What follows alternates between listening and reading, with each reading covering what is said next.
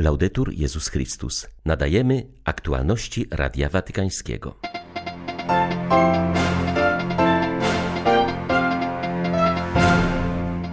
Wyłączmy telewizory, otwórzmy Biblię, zaapelował Franciszek w homilii z okazji Niedzieli Słowa Bożego. Ze względu na niedyspozycję Ojca Świętego odczytał ją arcybiskup Rino Fisichella, który także przewodniczył przedpołudniowej Eucharystii. Po modlitwie Anioł Pański papież przypomniał, że dziś przypada wspomnienie świętego Franciszka Salezego, patrona dziennikarzy. Wszystkich ludzi pióra Franciszek wezwał do odpowiedzialności za komunikację i dawanie świadectwa. Gwałtowny wzrost zakażeń COVID-19 sprawił, że w libańskich szpitalach zabrakło wolnych łóżek. 24 stycznia witają Państwa Łukasz Sośniak i ksiądz Eryk Gumulak. Zapraszamy na serwis informacyjny. Powodu kolejnego ataku rwy kulszowej papież Franciszek nie przewodniczył przedpołudniowej mszy w Bazylice Świętego Piotra z okazji Niedzieli Słowa Bożego. Eucharystię odprawił i homilię odczytał przewodniczący papieskiej rady do spraw nowej ewangelizacji arcybiskup Rino Fisichella. Ojciec Święty zaznaczył, że Jezus rozpoczyna swoje ziemskie nauczanie od przypomnienia, że Bóg jest blisko człowieka, bliskie jest Królestwo Boże. Jego Królestwo stąpiło na ziemię. Bóg nie jest, jak często myślimy, tam w niebie, daleko, oddzielony od ludzkiej kondycji, ale jest z nami.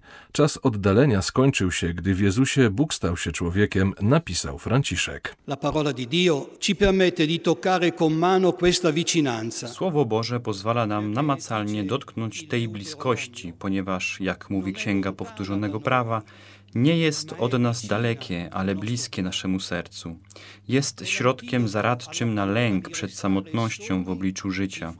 Istotnie Pan poprzez swoje słowo pociesza, konsola, to znaczy przebywa z tym, kto jest sam. Mówiąc do nas, przypomina nam, że jesteśmy w Jego sercu, cenni w Jego oczach, trzymani w dłoniach Jego rąk.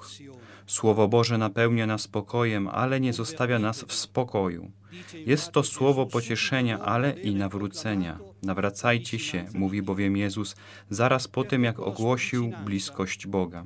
Ponieważ wraz z Jego bliskością kończy się czas, w którym oddalamy się od Boga i od innych, czas, w którym każdy myśli o sobie i idzie naprzód na własny rachunek. E va avanti per conto proprio. Franciszek przypomniał, że Jezus podczas swojego ziemskiego nauczania zwracał się głównie do ludzi prostych, rybaków z Galilei.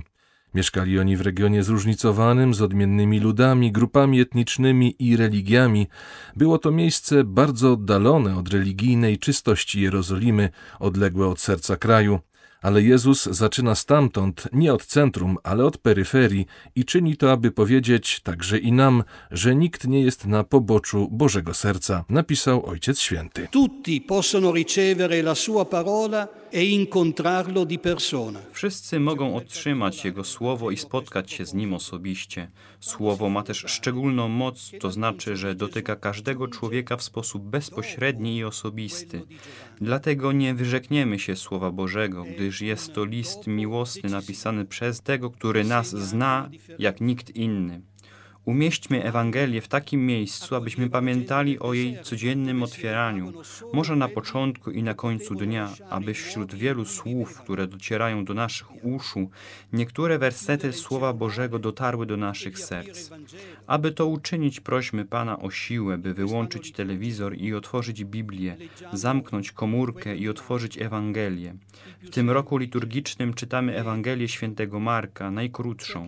Dlaczego nie czytać jej także samemu, mały fragment każdego dnia? To sprawi, że poczujemy, iż Pan jest blisko nas i napełni nas odwagą na drodze życia. E ci infonderà coraggio nel cammino della vita. Fragment Ewangelii dzisiejszej niedzieli ukazuje nam przekazanie pałeczki przez Jana Chrzciciela Jezusowi. Taką metaforą papież Franciszek rozpoczął rozważanie przed modlitwą Anioł Pański. Jan przygotował glebę. Teraz Jezus może rozpocząć sianie dobrej nowiny, które zaprasza nas do refleksji nad dwoma zasadniczymi tematami czasem i nawróceniem, podkreślił Franciszek. Czas według świętego Marka to historyczny moment, w którym Bóg posłał swojego syna na świat, aby jego królestwo stało się bardziej niż kiedykolwiek bliskie, powiedział Ojciec Święty. W tym oto czasie mamy szansę podjąć dar nawrócenia, zmianę mentalności, przemianę życia, nie iść już za wzorcami świata, ale za wzorcem Boga, którym jest Jezus. Nawrócenie nie jest automatyczne, jest darem miłości, ale zawsze z zachowaniem ludzkiej wolności, bo nie istnieje miłość bez wolności, podkreślił Franciszek. Przywołał również historię ze swojego życia, kiedy udzielał sakramentu namaszczenia chorych pewnemu staruszkowi. Ten przed śmiercią wypowiedział słowa, które dotknęły Jorge Mario Bergoglio na całe życie. Tak, moje życie odpłynęło. Dzieje naszego życia mają dwa rytmy. Jeden jest wymierny, składający się z godzin, dni i lat. Drugi składa się z okresów naszego rozwoju, narodzin, dzieciństwa, dorastania, dojrzałości, starości i śmierci. Każdy okres, każda faza ma swoją własną wartość i może być uprzywilejowanym momentem spotkania z Panem. Wiara pomaga nam odkryć duchowe znaczenie tych okresów. Każdy z nich zawiera w sobie szczególne wezwanie Pana, na które możemy odpowiedzieć pozytywnie lub negatywnie.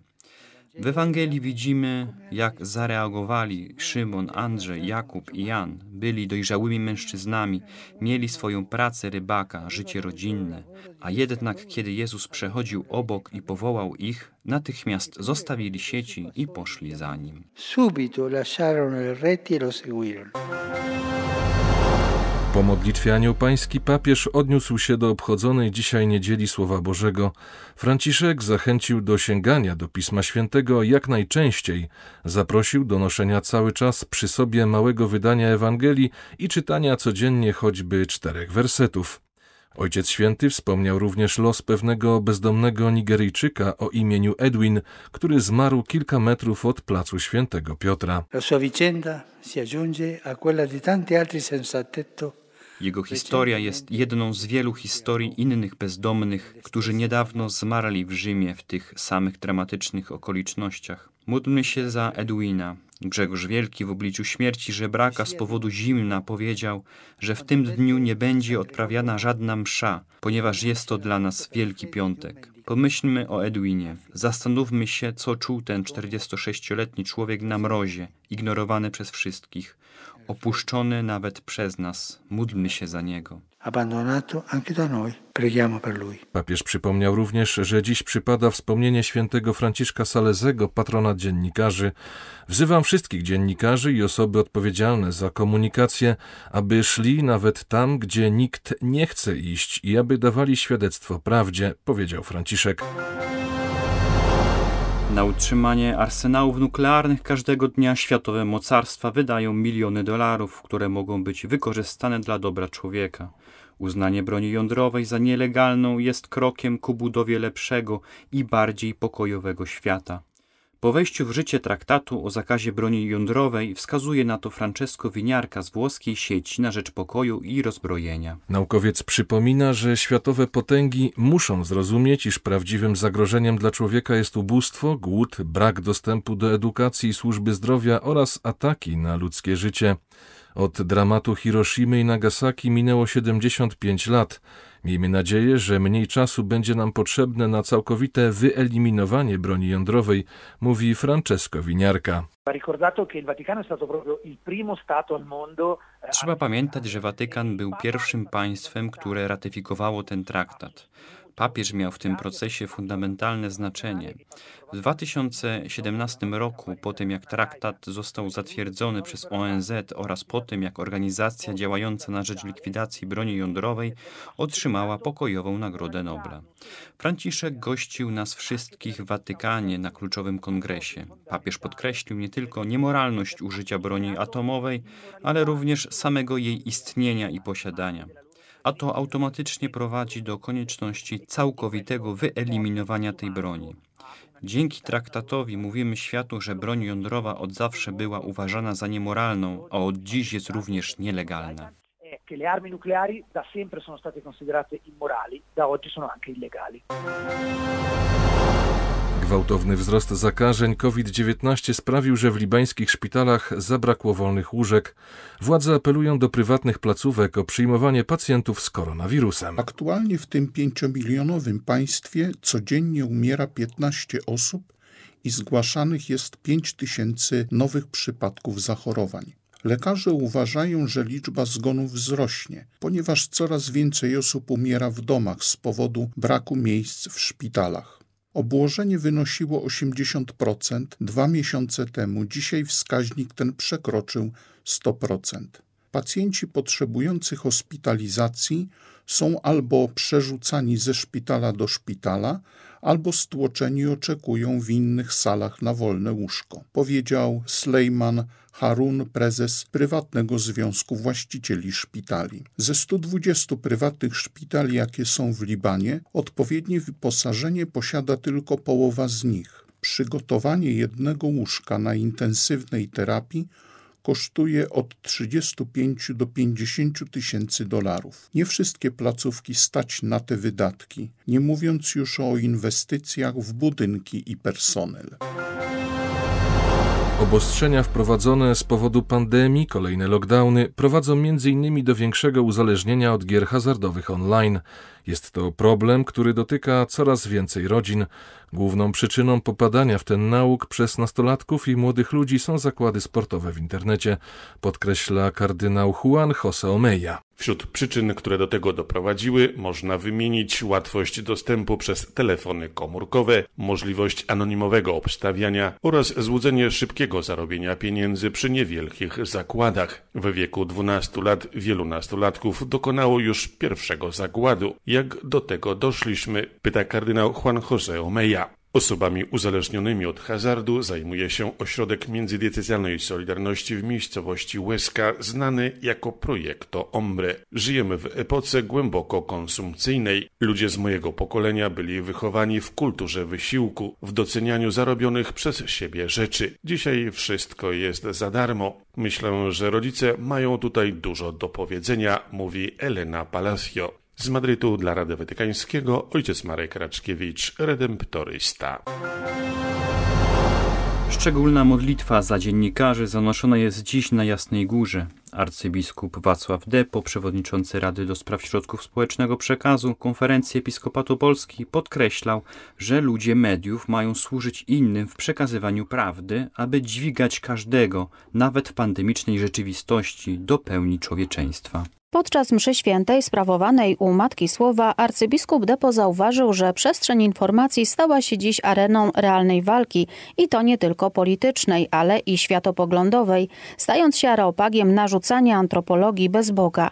Przypominając słowa Jana Pawła II o tym, że jesteśmy świadkami nowej kultury pozostającej w znacznej mierze pod wpływem środków społecznego przekazu, która często sprzeczna jest z Ewangelią i godnością osoby ludzkiej, podkreślał, że Kościół, choć ma wiele powodów do wstydu i nawrócenia, to jednak nie może milczeć. Nie ma jednak żadnego powodu, aby zamknąć Kościołowi usta, kiedy ukazuje godność i niezaprzeczalną wartość osoby ludzkiej zbawionej przez Chrystusa, który mówi nam całą prawdę w świetle Ducha Świętego o tym, kim jesteśmy, dlaczego mamy nieskończoną wartość i czym jest nasze przeznaczenie, a nie nicość tego przemijającego świata.